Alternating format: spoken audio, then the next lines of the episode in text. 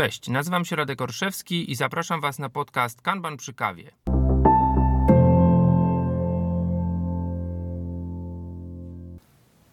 Witam Was wszystkich bardzo serdecznie w kolejnym odcinku podcastu Kanban przy kawie. Zgodnie z zapowiedzią, dzisiejszy odcinek będzie poświęcony drugiej praktyce Kanbanu, ograniczeniom pracy w toku, lub jeśli wolimy po angielsku, Work in Progress Limits. Limiting Work in Progress to z całą e, odpowiedzialnością za wagę tych słów najważniejsze z praktyk kanbanu. Ja bym powiedział, że to jest właśnie to, co czyni kanban kanbanem. To jest to, co czyni tablicę kanban systemem kanban, a więc systemem pull. Systemem, w którym zaciągamy pracę, rozpoczynamy pracę wtedy, kiedy mamy ku temu zasoby, kiedy mamy ku temu czas, skupienie, kiedy mamy szansę to dostarczyć i to dostarczyć e, zgodnie z koncepcją flow, z przepływem tej pracy. WIP limity to jest coś, co bardzo często jest rozumiane tylko i wyłącznie na poziomie takich numerków zapisywanych u góry kolumn, czy opowiemy o tym, że WIP limity nie jedno mają imię, że tych typów WIP limitów może być dużo więcej. E, zastanowimy się o tym, jaki one mają wpływ na nasze systemy. Na koniec porozmawiamy też trochę o psychologii tego, czy czy WIP limity w ogóle są w, w naszej naturze? Czy, czy WIP limity są zgodne z naszą kulturą pracy, z kulturą zajętości? No właśnie, WIP limity, to co leży w DNA Kanbanu, to co stoi u podstaw kanbanowej mantry Stop Starting, Start Finishing, a więc tego, żebyśmy zaczynali kończyć, zaczynali dostarczać, a przestawali rozpoczynać kolejne i kolejne zadania. Zaczynamy. Zacznijmy od historii. Wyobraźmy sobie, że jesteśmy we wczesnych latach 2000, w czasie kiedy nie istnieją serwisy streamingowe takie jak Netflix czy HBO Go, a w czasach, w których e, łącza internetowe mają przepustowość, dajmy na to 1-2 megabitów i kiedy jeśli chcemy pobrać jakiś film albo serial, nie będziemy tu mówić o legalności tych źródeł, to pobieramy całe pliki multimedialne z różnych serwerów FTP czy serwisów peer-to-peer. -peer. Wyobraźmy sobie, że mamy łącze przepustowości 1 megabita, które pozwala nam pobrać odcinek serialu, od, czy, no okej, okay, trzymajmy się tego, odcinek serialu w ciągu dwóch godzin. No, nie jest to przeciąg, ale okej. Okay. Pozwala nam to powiedzmy, że w ciągu jednego dnia, 8 godzin, e, pobrać cztery odcinki e, serialu, a więc zapewnić sobie rozrywkę na dobre 3 godziny wieczoru. E, brzmi dobrze. E, jak do tego podejść? Hmm. Tutaj pojawia się koncepcja WIP. Możemy podejść do tego tak, że rozpoczniemy ściąganie wszystkich czterech odcinków naraz. Zakładając pewnego rodzaju uproszczenie, że źródło wszystkich czterech odcinków będzie e, dostarczało nam e, tej treści z taką samą prędkością oraz że przepustowość łącza zostanie podzielona na cztery równe e, części, to możemy sobie powiedzieć, że jeśli ściągnięcie jednego odcinka trwa dwie godziny, to ściągnięcie czterech odcinków równolegle potrwa mhm, 8 godzin.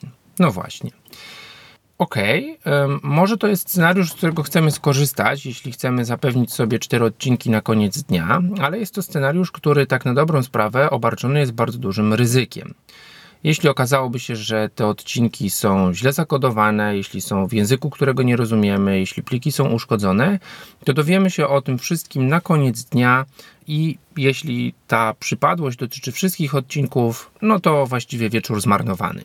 Możemy też przyjąć drugi scenariusz, a więc ograniczyć ilość pracy w toku, ilość e, procesowanych zadań, a więc ściąganych e, odcinków, plików multimedialnych do jednego.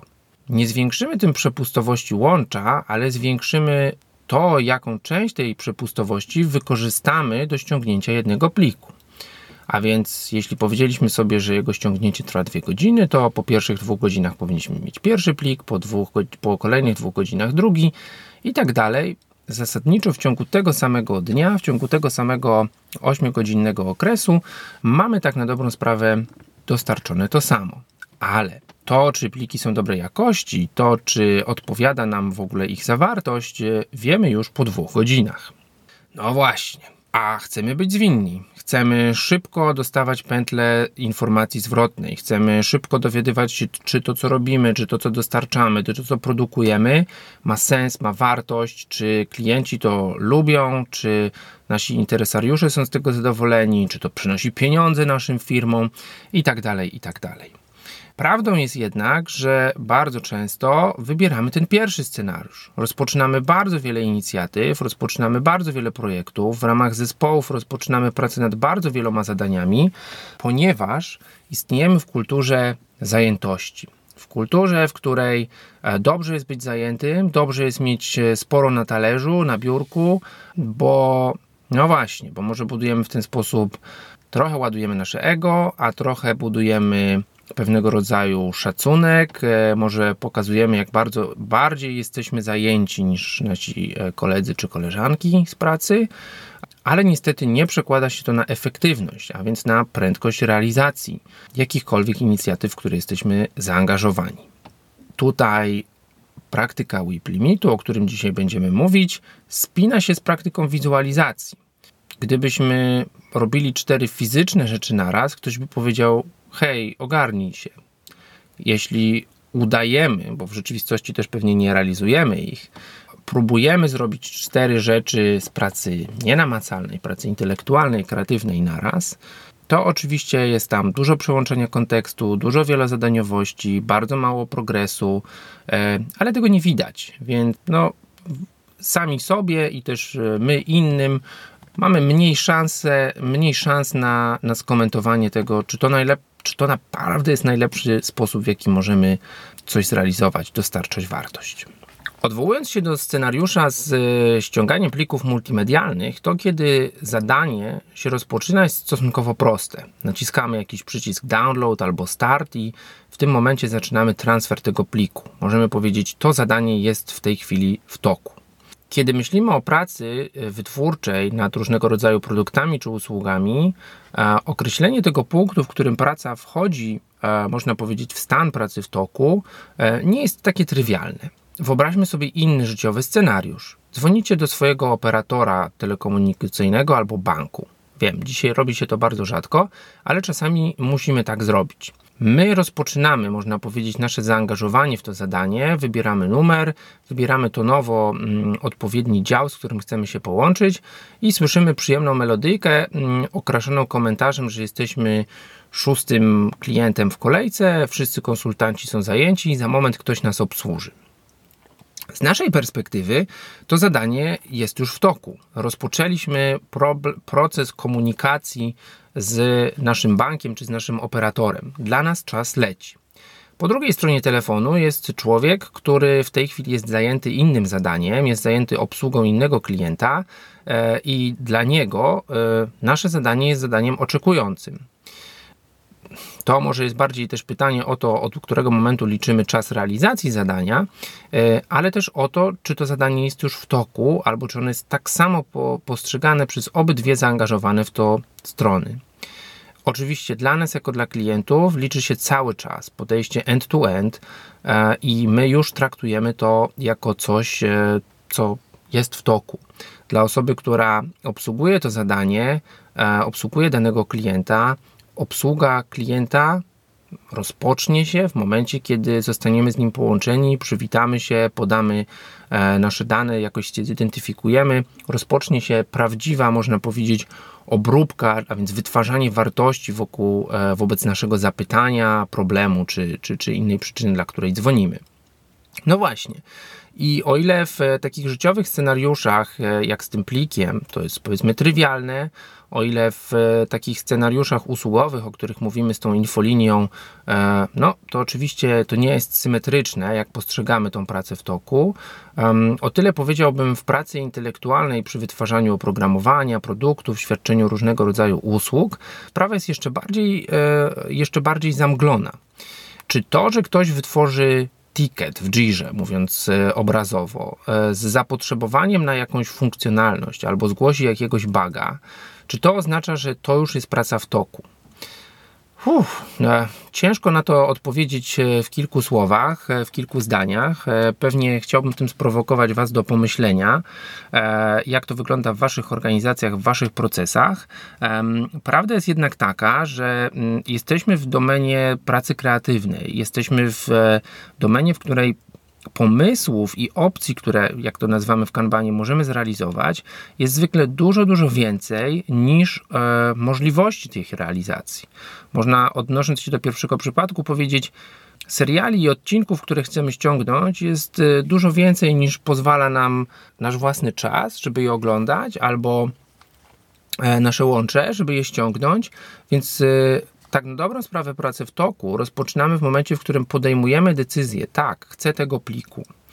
I podobnie jest, mam wrażenie, z historiami, z różnego rodzaju nowymi funkcjonalnościami, które, dla których czas realizacji zaczynamy mierzyć i, i, i, które zaczynamy traktować jako pracę w toku od momentu, w którym dochodzi do pewnego rodzaju porozumienia pomiędzy biznesem, interesariuszami, klientami, którzy mówią tak, tego chcemy, oraz zespołem na przykład deweloperskim, organizacją usługową, która mówi tak, od tego momentu traktujemy to jako pracę w toku, teraz naprawdę zaczynamy nad tym pracę.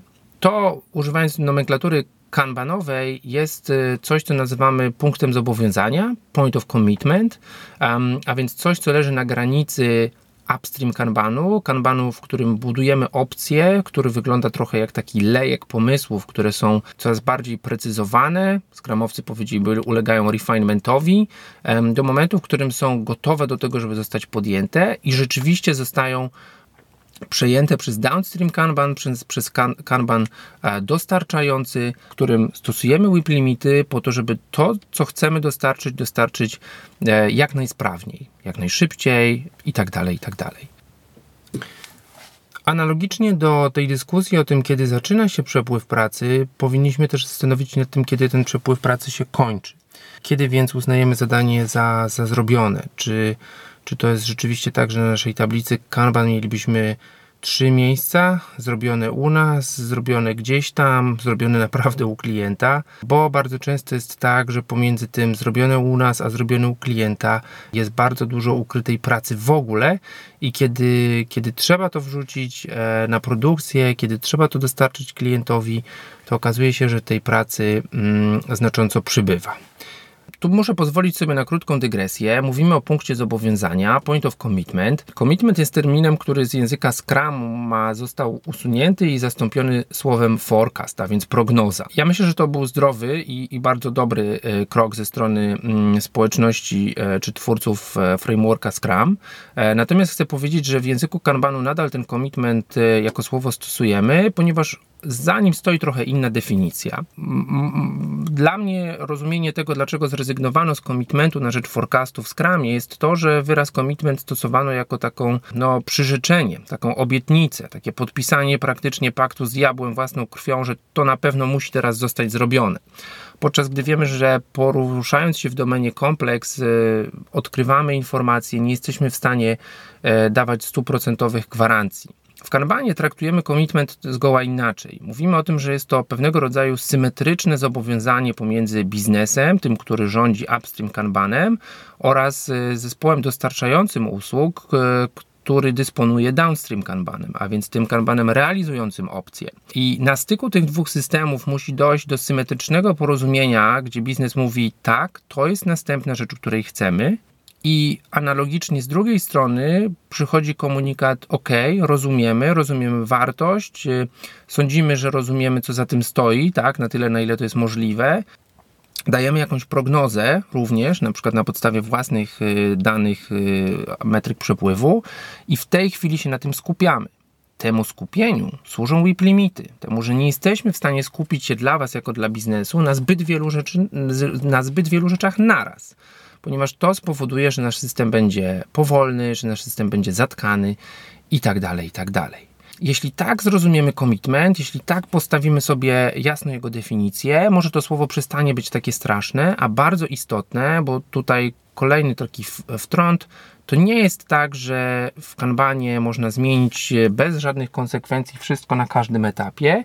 Oczywiście zawsze zmienić można, ale z pewnymi określonymi konsekwencjami dla systemu, dla czasów realizacji, dla stabilności, dla motywacji, frustracji zespołu, jakkolwiek byśmy to e, nie, jak, z jakiegokolwiek punktu widzenia byśmy na to nie spojrzeli. Powiedzieliśmy jak dotąd o tym, że aby określić czym jest praca w toku, musimy jasno zdefiniować punkty, w którym jakieś zadanie staje się tą pracą w toku i, że to samo zadanie przestaje być pracą w toku, a więc uznajemy je za ukończone. E, możemy więc przyjrzeć się wszystkiemu, co dzieje się w naszym systemie, w naszym procesie pomiędzy tymi dwoma punktami. I tutaj taka mała dygresja. Nie ma pełnej zgody co do tego właściwie, jak e, rozwijany jest skrót e, WIP po angielsku. Najpopularniejszym rozwinięciem znajdziemy, jako najpopularniejsze rozwinięcie znajdziemy oczywiście work in progress, a więc praca, e, praca w toku, można tak to przetłumaczyć na język polski. Natomiast e, część osób powie, ok, jeśli to jest naprawdę praca w toku, to właściwie nie jest źle, bo jeśli rzeczywiście nad jakąś pracą wykonywana jest wartość, to jest ok. I powie, według nich work, WIP to właściwie work in process a więc praca w procesie. Ponieważ to, że jakiś element pracy jest w procesie, a więc pomiędzy tym samym e, punktem początkowym i końcowym, nie oznacza, że pracujemy nad tym, nie oznacza, że wykonujemy mm, nad tym jakieś czynności dostarczające wartości, a tym samym może to oznaczać e, kolejkowanie, może to oznaczać e, blokowanie, może to oznaczać oczekiwanie ze względu na jakieś zależności.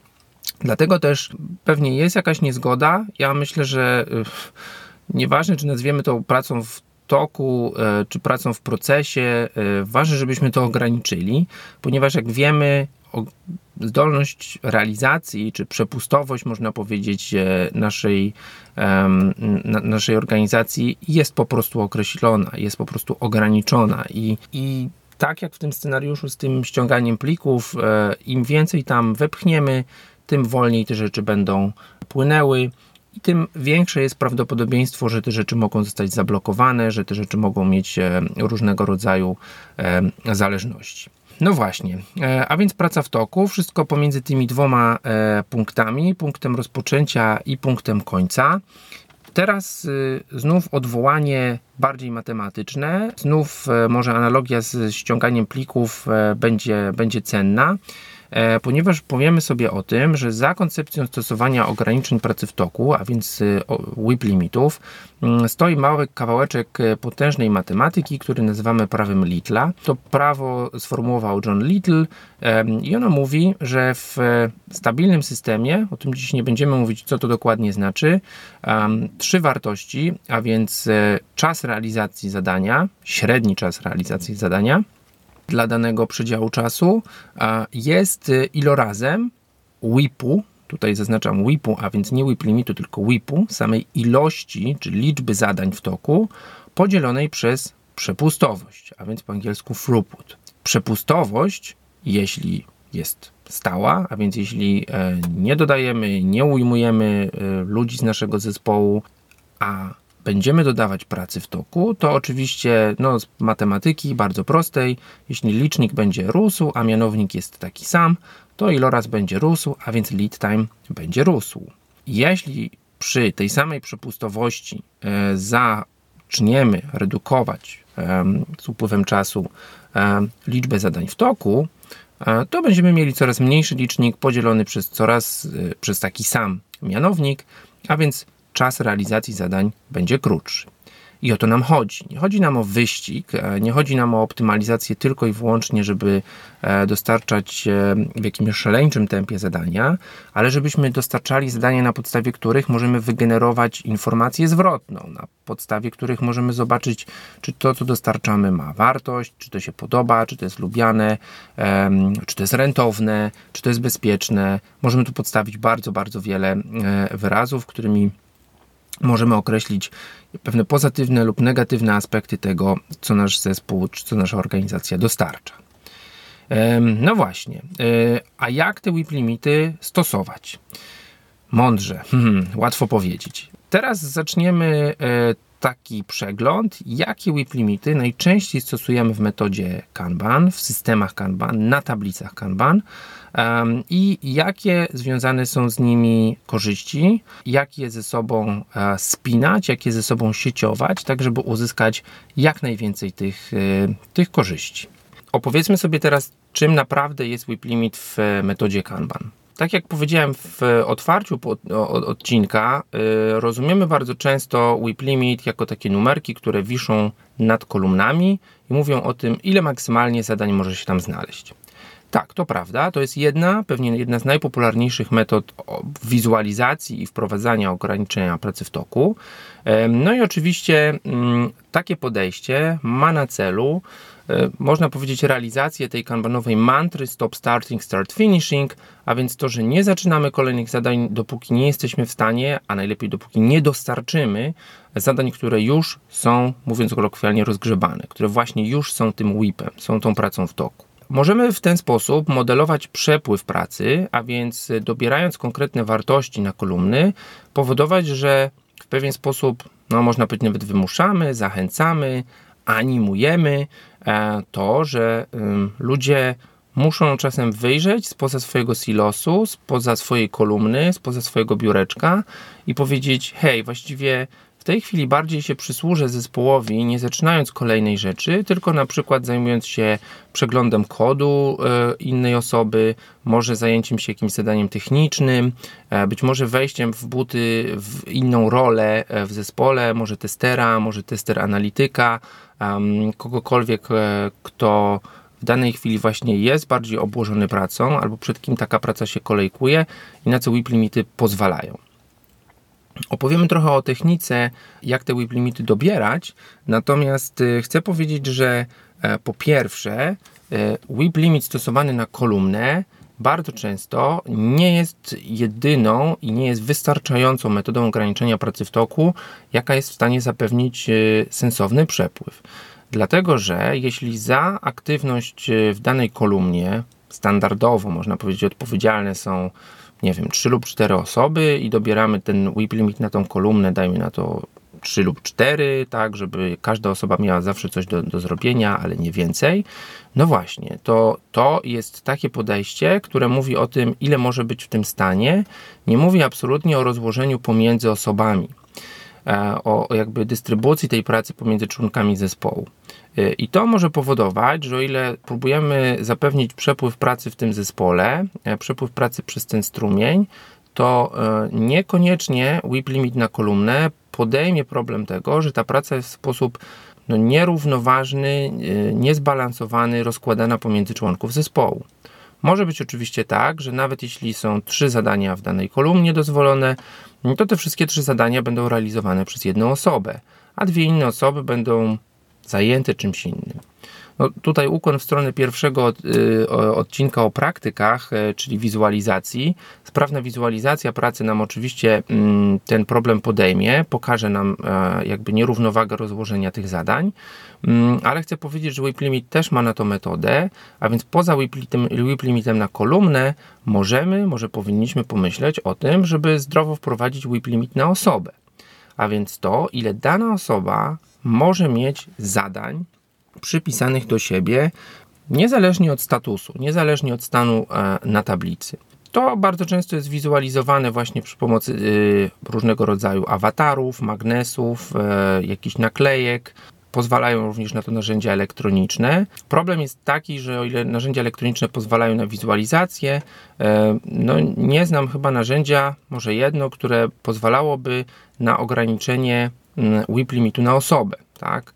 E, czyli e, tutaj ukłon w stronę tablic fizycznych, gdzie możemy powiedzieć, każdy z członków zespołu ma dwa magnesy, może je rozdystrybuować na zadania, którymi będzie się zajmował dziś, nawet może nie w tej chwili, ale dziś, żeby ograniczyć koszt transakcyjny, jakby przekładania tych magnesów, e, o co ludzie często proszą, przynajmniej na początku pracy z WIP limitami osobowymi i po prostu e, stosować fizyczne tokeny, tak, i ograniczenie fizycznych tych tokenów, nie jesteś w stanie przykleić się, przykleić swojego tokenu do większej ilości zadań e, niż masz magnesy. No, tutaj taki, taka, taka żartobliwa historyjka. Znam oczywiście przypadki, kiedy pod jednym magnesem znajdują się trzy nałożone na siebie post-ity. Ja się tym wszystkim zajmę równolegle. No, to już jest temat może na, na inną dyskusję. E, mamy więc whip limity na kolumnę, mamy whip limity na osobę. Mm, zastanówmy się jeszcze nad tymi whip limitami na kolumnę. pierwszym, powiedziałbym w 90% przypadków rozumieniem WIP limitu jest oczywiście ograniczenie pracy w toku, e, mówiąc o maksymalnej ilości zadań, która może się w takiej kolumnie znaleźć. Ale tutaj taka uwaga, WIP limit może być również WIP limitem minimalnym. Możemy powiedzieć, że chcemy, żeby w danej kolumnie, chcemy, żeby w danej kolejce zawsze znajdowało się minimum ileś zadań. Takie praktyki stosujemy często po mniej, mniej znanej stronie Kanbanu, po tak zwanej e, stronie, którą nazywamy upstream Kanbanem, a więc czymś, co jest zwykle po lewej stronie tablicy, tam gdzie, tam, gdzie pracuje biznes, tam, gdzie pracują różnego rodzaju analitycy, designerzy, gdzie się prototypuje, gdzie zbiera się jakby pierwotne zainteresowanie użytkownika, jakieś testy, jakieś e, wywiady z użytkownikami itd., tak itd. Tak tam umieszczamy WIP limity minimalne po to, żeby zapewnić, że nasz system zawsze będzie miał coś do zrobienia.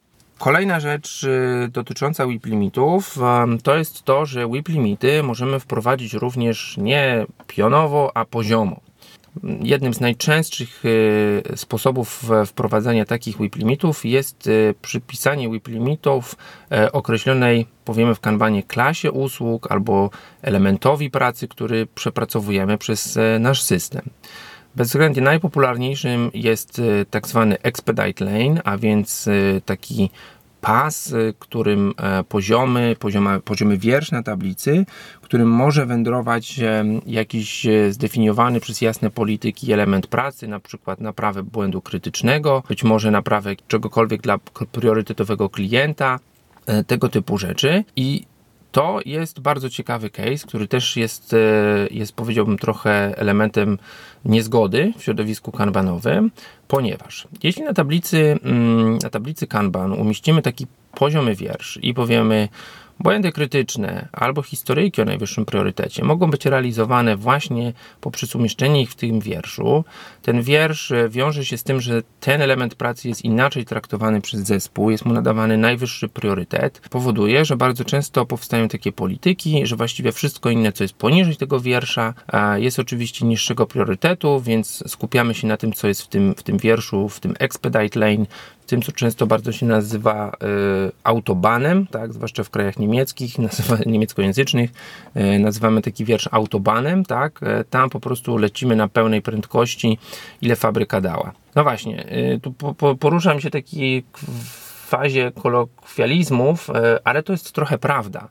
Jeśli odpowiednio dobierzemy polityki traktowania zadań w takim expedite lane, to ja bym powiedział, że ustawimy trochę taki baseline, taki benchmark. Dowiedziemy, jak szybko nasz zespół jest w stanie zrealizować takie zadanie. I tu mogę powiedzieć, że często mm, prowadząc szkolenia poświęcone Kanbanowi, w kilku symulacjach, których, e, których używam, e, istnieje również taki scenariusz, na którymś momencie, w którymś momencie gry zespół jest, e, uczestnicy są wystawiani na to, że pojawia się taki, e, taki błąd krytyczny. Oni muszą zbudować jakąś e, politykę, jakieś zasady traktowania tego błędu. Sugerowane jest umieszczenie czegoś takiego właśnie w tym, w tym specjalnym wierszu. I tu zaczyna się dyskusja o tym, co my możemy w ogóle zrobić, jaki jest teoretyczny, najkrótszy możliwy czas realizacji. Powiem, że tutaj ograniczenia takie, powiedziałbym, co nam wolno, albo do czego możemy się dopuścić, e, żeby to dostarczyć, powodują, że, że czasami pomimo tego jasnego przekazu pilności i ważności tego zadania, ono jest traktowane no, trochę lepiej niż inne zadania, ale niekoniecznie. Natomiast e, spotykam się z takimi zespołami, które rzeczywiście no, stosują wszelkie możliwe triki, e, nawet na poziomie zasad gry, tak? Ty poczekaj, już z jakością, zobaczymy co się stanie, po to, żeby zrealizować to zadanie naprawdę najszybciej jak się da. I czasami zdarza się y, no, i trochę szczęścia, i kreatywności w podejściu, co powoduje, że takie zadanie jest realizowane na przykład w jeden dzień, podczas gdy inne przeciętne czasy realizacji to jest, nie wiem, minimum 3 lub 4 dni. I dlaczego opowiadam o tym? Opowiadam o tym dlatego, że y, w momencie, w którym w rzeczywistości dowiedziemy, że nasz system jest w stanie dostarczyć y, zadanie w jeden dzień, na przykład, nie wiem, hotfix na, na produkcję, to jest pewien sygnał e, zarówno dla zespołu, ale też dla interesariuszy tego zespołu, że ten zespół jest zdolny do czegoś takiego. To jest taki trochę proof of concept. Nie?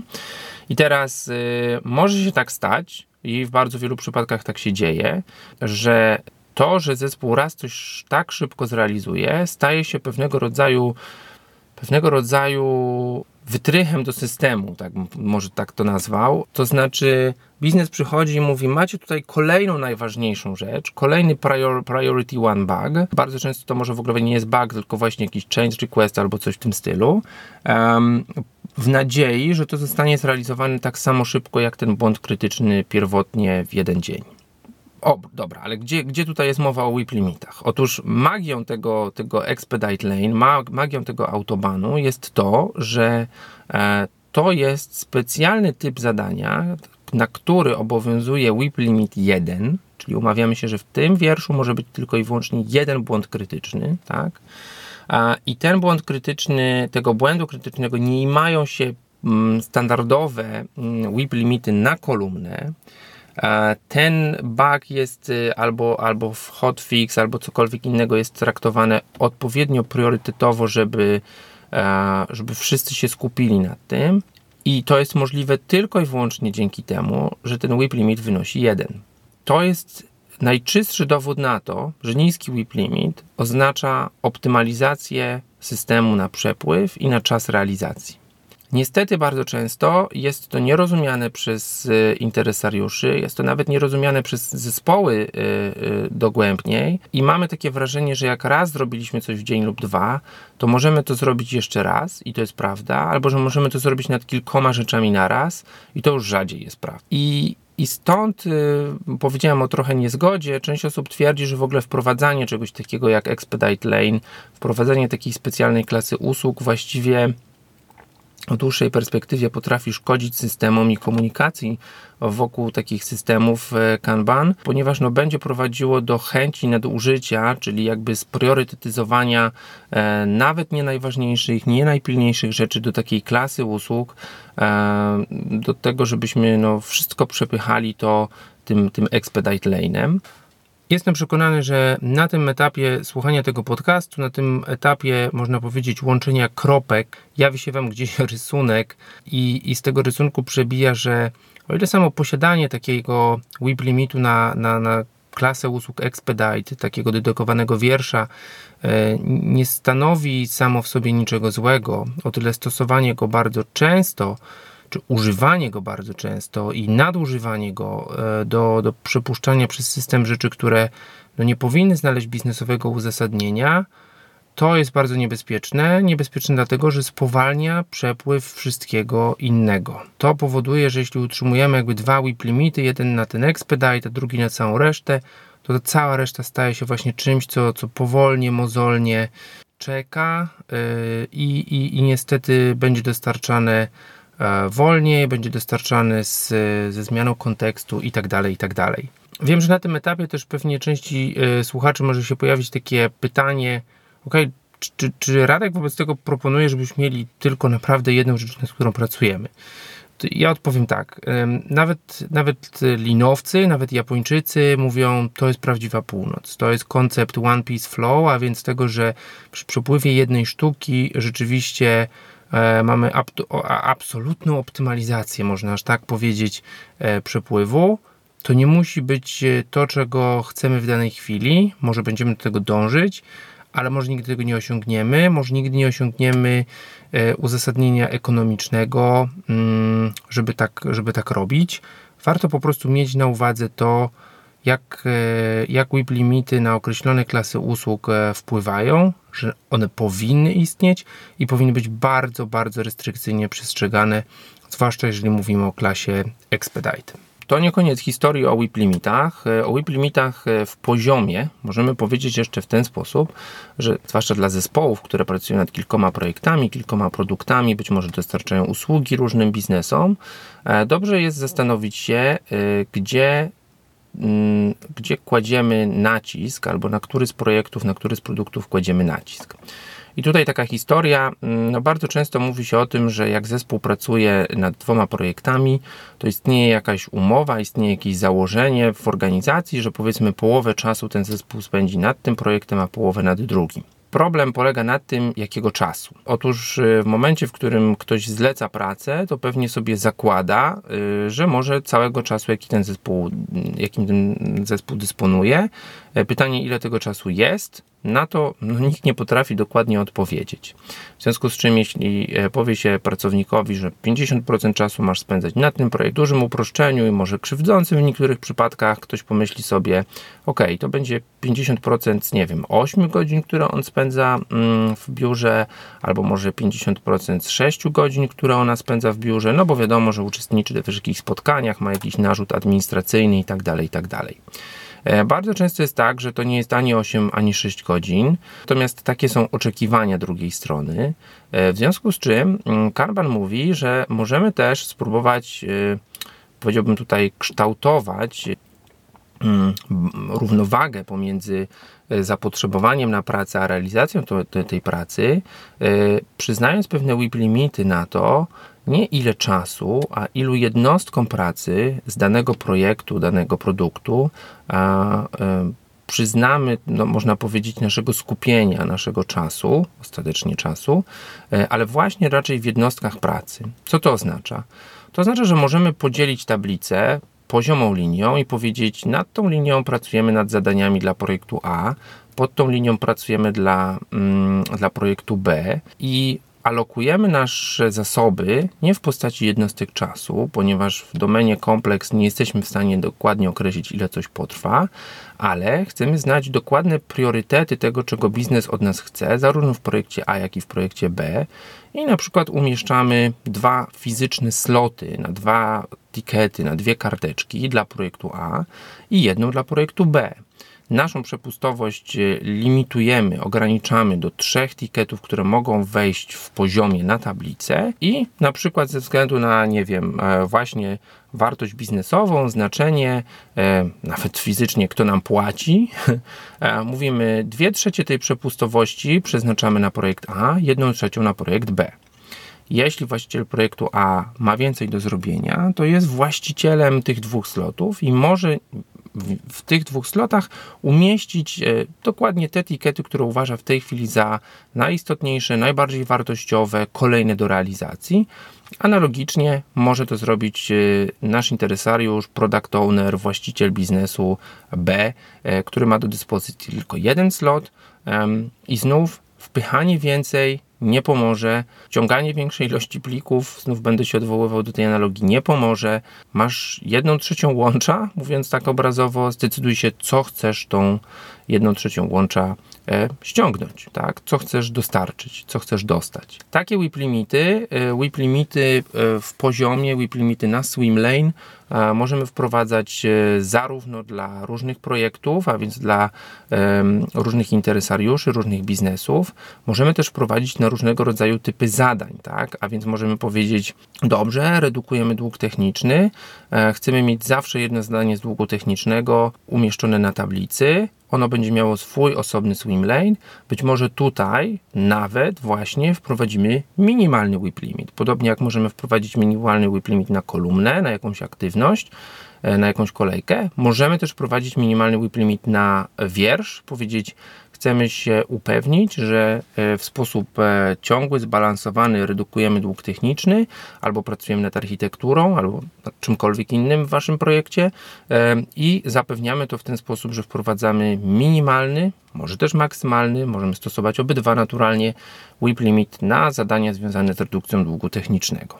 Kombinacji takich WIP limitów na kolumnę, na osobę, na wiersz, na, na wiersze pod kątem różnych parametrów, a więc albo klas usług, albo typów zadań e, może być bardzo, bardzo dużo. Tutaj jakby tylko i wyłącznie potrzeby naszego projektu, naszego mm, zespołu, naszego biznesu, czasami też nasza kreatywność wizualizacji tego są jedynymi ograniczeniami, także zapraszam do poszukiwania różnego rodzaju e, fajnych case'ów, fajnych designów, tablic, e, w, w internecie, na, na, różnego rodzaju prezentacjach. To oczywiście robimy też na szkoleniach, e, żeby, żeby no, odblokować czasami myślenie o takich bardzo tylko i wyłącznie standardowych, e, można powiedzieć, układach tych kolumn i wierszy mm, na tablicach. Na sam koniec coś jeszcze o takim najszerszym WIP limicie. Zdarza się tak, że WIP limit wprowadza się na całą tablicę. A więc mówi się o tym, że my jako zespół nie jesteśmy w stanie pracować nad na przykład więcej niż 20 zadaniami e, we wszystkich stanach i we wszystkich wierszach, które na tablicy się znajdują. Mm, to jest pewnego rodzaju, powiedziałbym, zamrożenie e, tego, co się na tablicy znajduje. E, oczywiście zamrożenie na tyle długo, na ile coś nie opuści tablicy, bo wtedy oczywiście możemy to uzupełnić. Ja tutaj zrobię taki ukłon w stronę Scrama, bo wydaje mi się, że e, w kilku miejscach możemy znaleźć dyskusję, w kilku książkach, kilku prezentacjach o tym, że to jest trochę taki moment, w którym Kanban i Scrum się spotykają, dlatego że sama koncepcja sprintu, bardziej jako timeboxu, e, jest też pewnego rodzaju ograniczeniem pracy w toku, e, zwłaszcza w Scrumie, w którym mamy sprint goal, a więc mówimy, pracujemy nad określonym celem, na początku prognozujemy, że do realizacji tego celu potrzebne będzie na przykład dostarczenie czy zrealizowanie, nie wiem, pięciu historyjek użytkownika i to jest nasz fokus na, na ten sprint. Oczywiście mm, zakres sprintu może się zmienić, oczywiście granulacja i rozbicie zadań w ramach skramowego sprintu e, przez zespół może mm, i, pewnie powinna i pewnie się y, zmieni, tak? Czyli możemy dodawać jakieś taski, możemy dodawać jakieś subtaski, chociażby po to, żeby skutecznie wizualizować nad którymi elementami tych historii pracujemy, ale ogólności, tak, y, ten, ten WIP limit w postaci skupienia na konkretnych elementach pracy służących z realizacji z celu sprintu pozostaje no boję się słowa zamrożony, tak, ale przynajmniej ustalony. To, to, to jest jakby też taki moment, w którym możemy na to tak popatrzeć, że jakby całość naszego systemu, a więc e, to, co mamy w całości na tablicy mm, kanbanowej, e, to też jest e, pewnego rodzaju WIP limit. Mm, prowadząc szkolenia kanbanowe, rozmawiając z ludźmi, którzy praktykują kanban, na którymś etapie zawsze pojawia się pytanie o to, jak ustalać te WIP limit. Ha, odpowiedź jest, to zależy. Tak na dobrą sprawę, każdy z tych WIP limitów, które omówiliśmy, powinniśmy ustalić w odniesieniu czy w oparciu o trochę inne dane. Jeśli zadania są krótsze lub dłuższe, to ilość zadań, którymi dana osoba może zająć się w ciągu dnia, będzie się zmieniała. Może być to jedna historyjka, może być to pięć drobnych ticketów. E, no i teraz powinniśmy ustalić, e, jaka ilość tych magnesów na osobę powinna być sensowna, żeby ta osoba, no nie wiem, nie miała zbyt dużego narzutu, powiedziałbym takiego organizacyjnego, typu przechodzę, coś tam przeklejam, sześć razy muszę wejść do Jiry, nie wiem, tego typu rzeczy. Podobnie mm, jest z najpopularniejszymi, najpopularniejszymi limitami, a więc limitami na kolumnę, gdzie to zależy od ilości członków, którzy są w stanie wykonywać e, czynności w danej kolumnie. Jeśli mamy tylko e, niewielką część osób, które są w stanie wykonywać daną aktywność, to ten WIP limit pewnie powinien być niższy, żeby zapewnić tym osobom fokus, żeby zapewnić im możliwość e, pracy w zbalansowanych i zrównoważonych warunkach, ale jeśli wiemy, że ta y, liczba osób się zmienia, na przykład dlatego, że w połowie jakiegoś okresu połowa zespołu wyjeżdża na konferencję, albo jest to sezon urlopowy, albo jest to sezon grypowy, albo cokolwiek innego, e, premiera nowego serialu to i, i, i duża ilość urlopów na żądanie, e, no to mm, powinniśmy po prostu to dostosowywać. Powinniśmy dynamicznie tymi whip limitami e, starać się zapewnić e, i ten balans, i ten flow, i ten przepływ pracy. Natomiast chcę powiedzieć o dwóch rzeczach. E, pierwsza rzecz jest taka, że bezpiecznie można zawsze WIP limity ob, ob, obniżać, tak? Dlatego, że najgorsze, co się może stać, to jest to, że zrealizujemy za dużo i za szybko, a myślę, że nikt z tego powodu nie będzie nas karcił. Bardzo niebezpiecznie jest y, podnosić WIP limity i to podnosić je często, bez y, popatrzenia na to, jak system zachowuje się po takiej zmianie. Każdy z tych systemów, każda z tablic ma pewnego rodzaju inercję.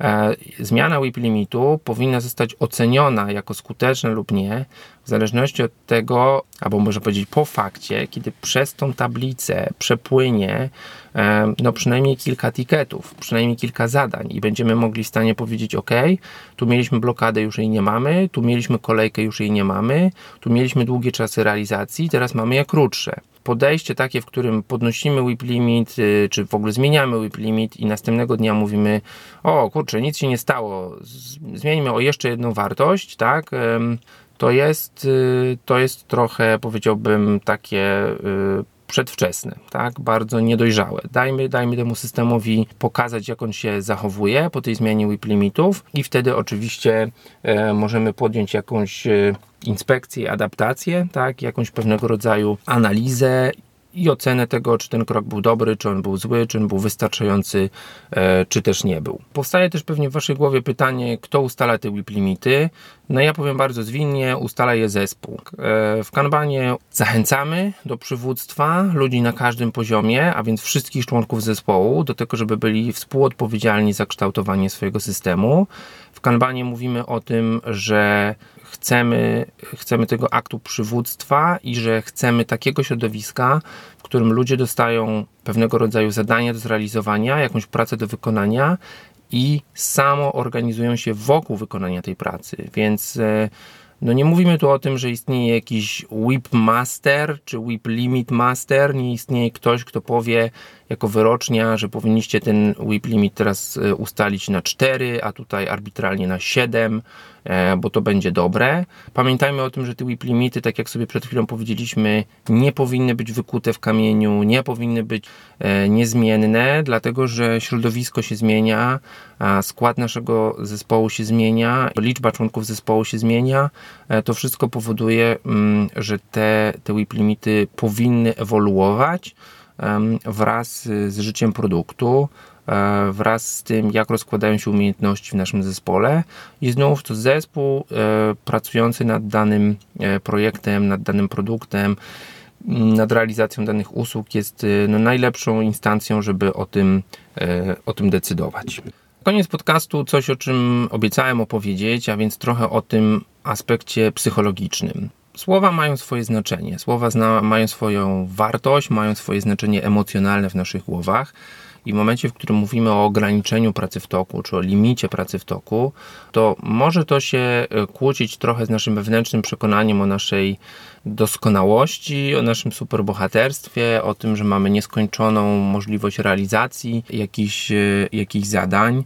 Czasami jest to kwestia, mówiąc wprost, ego, czasami jest to kwestia tego, że ludzie lubią być zajęci, bo funkcjonują w firmach, w środowiskach, w których funkcjonuje taka kultura zajętości, czyli im więcej masz na sobie, im bardziej jesteś zajęty, tym może jesteś bardziej szanowany, tym może bardziej jesteś doceniany, tym bardziej, co gorsza, może zostaniesz wynagrodzony za to, że jesteś zajęty, a niekoniecznie za to, że jesteś produktywna albo że, że dostarczyłeś e, dużo więcej niż e, niż inni właśnie dzięki skupieniu, tak? Tu nie, nie chcę wchodzić w jakieś takie systemy, w których e, byśmy, nie wiem, no nagradzali ludzi za e, bezwzględnie za dostarczanie jak największej ilości zadań, bo wiemy, że, że to nie jest zdrowe, to też nie jest to, o co nam pewnie chodzi w dłuższej perspektywie do, do, do utrzymania i stworzenia w zespołach, mm, ale no ten aspekt y, oporu wobec WIP limitów na pewno się pojawi.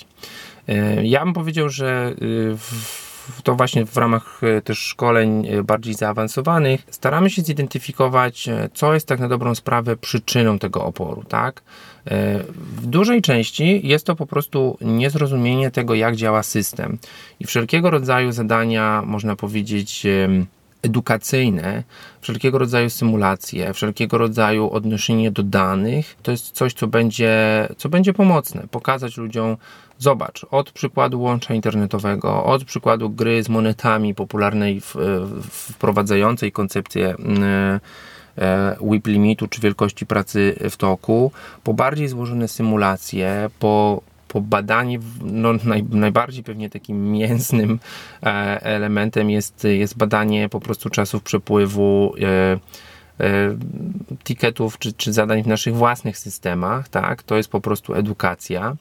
Czasami jest to kwestia mm, psychologiczna, czasami jest to kwestia tego, że no właśnie mamy do czynienia z tym ego, z, tym, e, z tą chęcią poczucia bycia, bycia za, zapracowanym. Tutaj nie jest tak łatwo, dlatego że bardzo często y, może być to element, powiedziałbym, osobowości, ale może być to też element y, tego, jak skonstruowane jest środowisko. I tutaj e, ukłon w stronę tego, że no nie jesteśmy w stanie naprawić wszystkiego bez odpowiedniego wsparcia i jakby mandatu e, ze strony managementu. Porozmawiajmy o tym z managementem. Ten sygnał, który management w firmie daje, czy my jesteśmy tutaj tylko fabryką feature'ów, czy my tutaj tylko robimy dużo, dużo, dużo, czy robimy naprawdę szybko i robimy rzeczy wartościowe, to jest bardzo często coś, co jest istotne, żeby zmienić jakby to nastawienie ludzi, ten tak zwany ładnie mówiąc mindset, i, I tutaj warto również nad tym popracować, jaka jest motywacja tych ludzi przez management, y, jaka jest komunikacja na temat tego,